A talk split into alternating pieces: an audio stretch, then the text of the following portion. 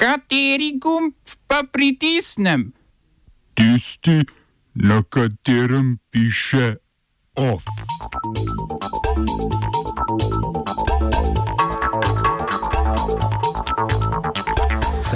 Politična kriza na Kosovu. Grčija omejuje gibanje prosilcev za azil. Evropska centralna banka pripravlja bilijonski paket pomoči. V kulturnih novicah pozivi samozaposlenih se nadaljujejo.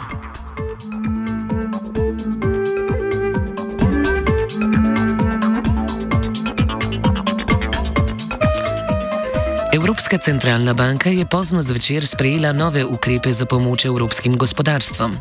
ECB bo kupila 750 milijard evrov državnih in podjetniških obveznic, s čimer bo državam in podjetjem olajšala dostop do denarja in zmanjšala stroške zadolževanja. Banka bo poleg tega razrahljala pravila o tem, katere obveznice in v kakšni količini jih lahko kupuje. To velja tako za nov program, kot tudi za že obstoječi program kupovanja obveznic, ki se je začel decembra. ECB je s podobnimi programi, včasih imenovanimi kvantitativno sproščanje, začela med krizo evroobmočja in ima trenutno v svoji bilanci 260 milijard obveznic, a se je banka pri nakupih precej omejila. Ne sme namreč kupiti več kot tretjine državnega dolga posamezne članice evroobmočja. Poleg tega je bila do sedaj iz programa, katerega namen je znižati ceno za zadolževanja izključena država, ki jo dolg najbolj obremenjuje, to je Grčija. Zaradi tega je banka največ kupovala nemške obveznice. ECB je sedaj sklenila, da bo kupovala tudi grške obveznice. Omejitev, da ECB ne sme imeti v lasti več kot tretjino dolga posamezne članice, pa za zdaj ostaja, čeprav so v banki povedali, da so pripravljeni razmisliti o smiselnosti teh omejitev.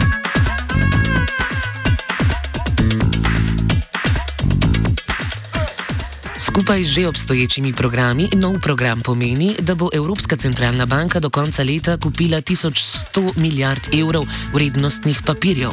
S tem bo humanitarni sistem plasirala enako količino svežega denarja.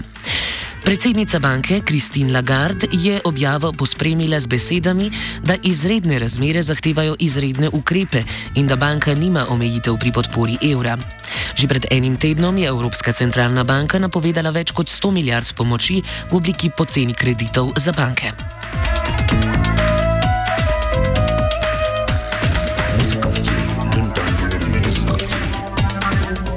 Politična kriza na Kosovu.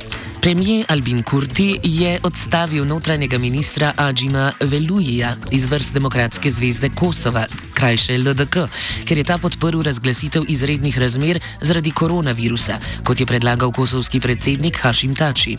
Predsednik LDK Isa Mustafa je zato napovedal glasovanje o nezaupnici vladi, saj ne bi premijer svojo odločitvijo kršil koalicijsko pogodbo.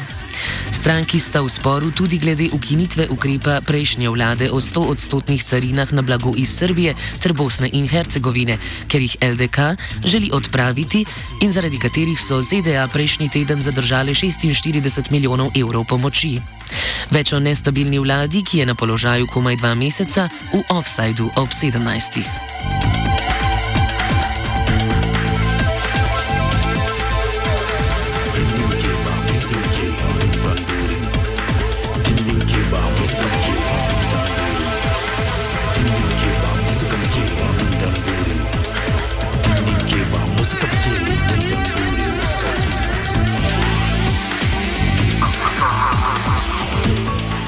Grčija omejuje gibanje migrantom, ki živijo v taboriščih na otokih v Egejskem morju.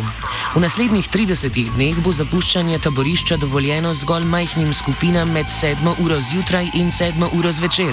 Prav tako bo izhod dovoljen zgolj eni osebi v družini.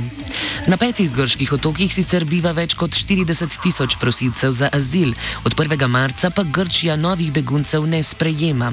Odkar je Turčija konec februarja na svojem ozemlju prenehala zadrževati migrante, se je na grško-turški meji unela kopica spopadov med migranti in grško policijo. Ta pa je nemalokrat uporabila tudi souzivec in vodne topove.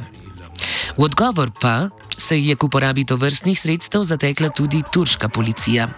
Približno 2000 migrantov je tako še vedno ujetih na meji med državama, saj je Turčija včeraj zaprla mejo tako z Grčijo kot tudi z Bolgarijo.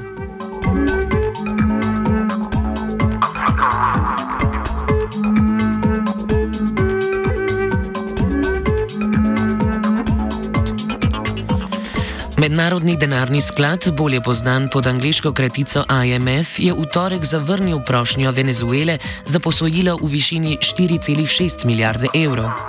Venezuelski predsednik Nicolás Maduro je prošnjo vložil v sklopu programa sklada za pomoč državam v razvoju in državam z nizkim prihodkom v boju proti pandemiji.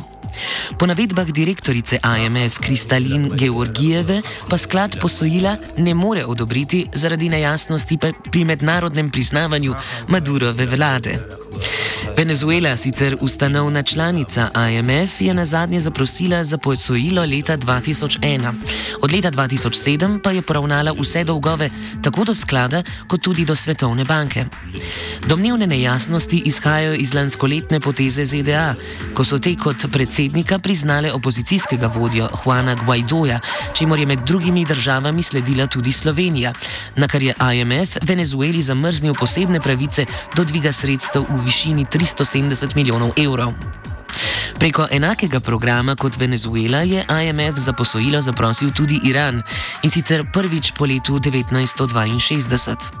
Ekonomsko situacijo Irana, poleg pandemije in padca cene nafte, otežujejo tudi nove sankcije proti nekaterim posameznikom, podjetjem in organizacijam, sodelujočim pri trgovanju s petrokemikalijami. Sankcije so Združenim državam Amerike, pardon, sankcije so Združene države Amerike uvedle včeraj, nekaj ur po pozivu Kitajske in Rusije, naj se dotedanje ukinejo.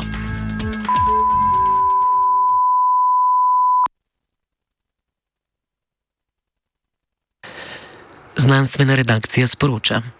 V mestu Vo v provinci Padova je mednarodna raziskovalna skupina izvedla eksperiment o pomenu testiranja za zajezitev širjenja novega koronavirusa. Testirali so prav vse prebivalke in prebivalce mesta. Od 3300 testov jih je bilo 66 pozitivnih. Med predmnožičnim testiranjem je bilo v mestu odkritih že vsaj nekaj deset primerov okužb. Več kot polovica oseb, pri katerih so na novo odkrili okužbo, naj v trenutku testiranja ne bi kazala znakov okužbe. Vseeno iz poroča ni jasno, kakšen odstotek ni razvil simptomov v celotnem času samoizolacije. Strogo sledenje 14-dnevni samoizolaciji je že v sedmih do desetih dneh število okužb v mestu zmanjšalo za desetkrat. Pri ponovnem testiranju po 14 dneh so v mestu odkrili le še šest okužb.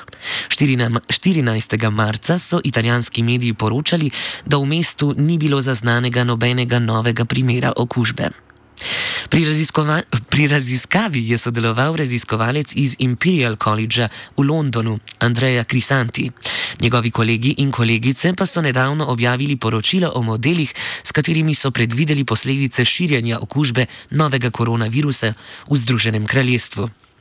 To poročilo je vodilo v velike spremembe ukrepov britanske vlade, ki se je predtem v nasprotju s priporočili Svetovne zdravstvene organizacije bolj zanašala na čredno imunost. Zdaj pa se očitno tudi na otoku pripravljajo na zelo verjetno uvedbo karantene. Oba, če, če bom odgovoril na angliški. Slovenija bo poskušala pomagati. Slovenija bo naredila naš utmost, da bo rekla, da je situacija naš problem, sami. In bomo naredili nadaljnje korake, as soon as the conditions are. Bomo vlado Marjana Cererera Šarca podprli. Very, very serious. News from Slovenia. We know how and we will.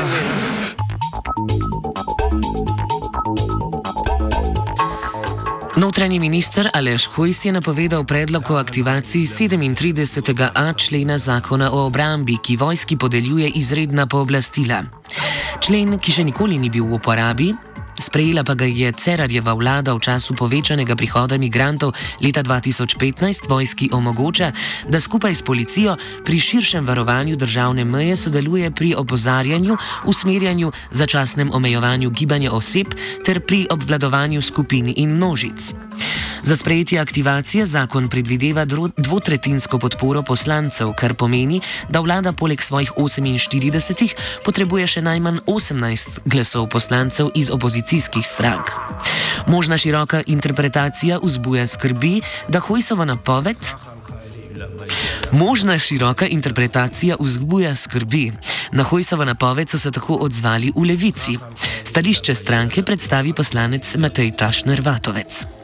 Uh, ja, v tem trenutku se nam zdi popolnoma nesmiselno, da bi aktivirali ta člen.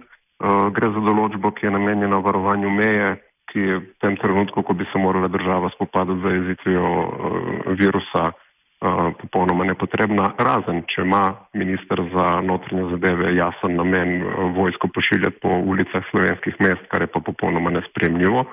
Um, in verjetno še dodaten dokaz uh, tega, da želi ta nova vlada predvsem uh, spremeniti Slovenijo v uh, avtoritarno oziroma v tako imenovano neliberalno demokracijo po zgledu svojih, svojih patronov iz Mačarske oziroma Višegrajske skupine.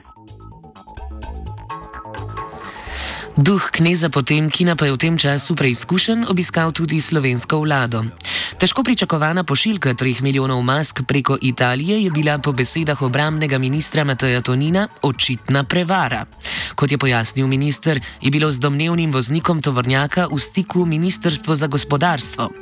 Voznik jim je včeraj ob pol treh sporočil, da je na carini v Sežani, kasneje, da je vstopil v Slovenijo, na to, da je na benzinski črpalki pri postojni, na to pa se je za njim izgubila vsaka sled. 3 milijoni mask, ki naj bi jih iz Švice dobavile podjetje Global Promet, niso nikoli obstajali. Novi direktor policije Anton Travner je napovedal prednostni pregon tovrstnih zlorab in vojnih dobičkarjev, kot je nepridiprave poimenoval šef policije. Včerajšnje izjave Tonina, da je Slovenija že plačala za nakup desetih milijonov mask, so se, hvala Bogu, izkazale za lažne in Tonina vladni kolega, ministr za gospodarstvo Zdravko Počivalšek, je danes pojasnil, da Zavod Republike Slovenije za blagovne rezerve doslej ni ničesar plačal vnaprej. Lindon. Ovsta s pomočjo znanstvene redakcije pripravila vajenec Andrej in Gal.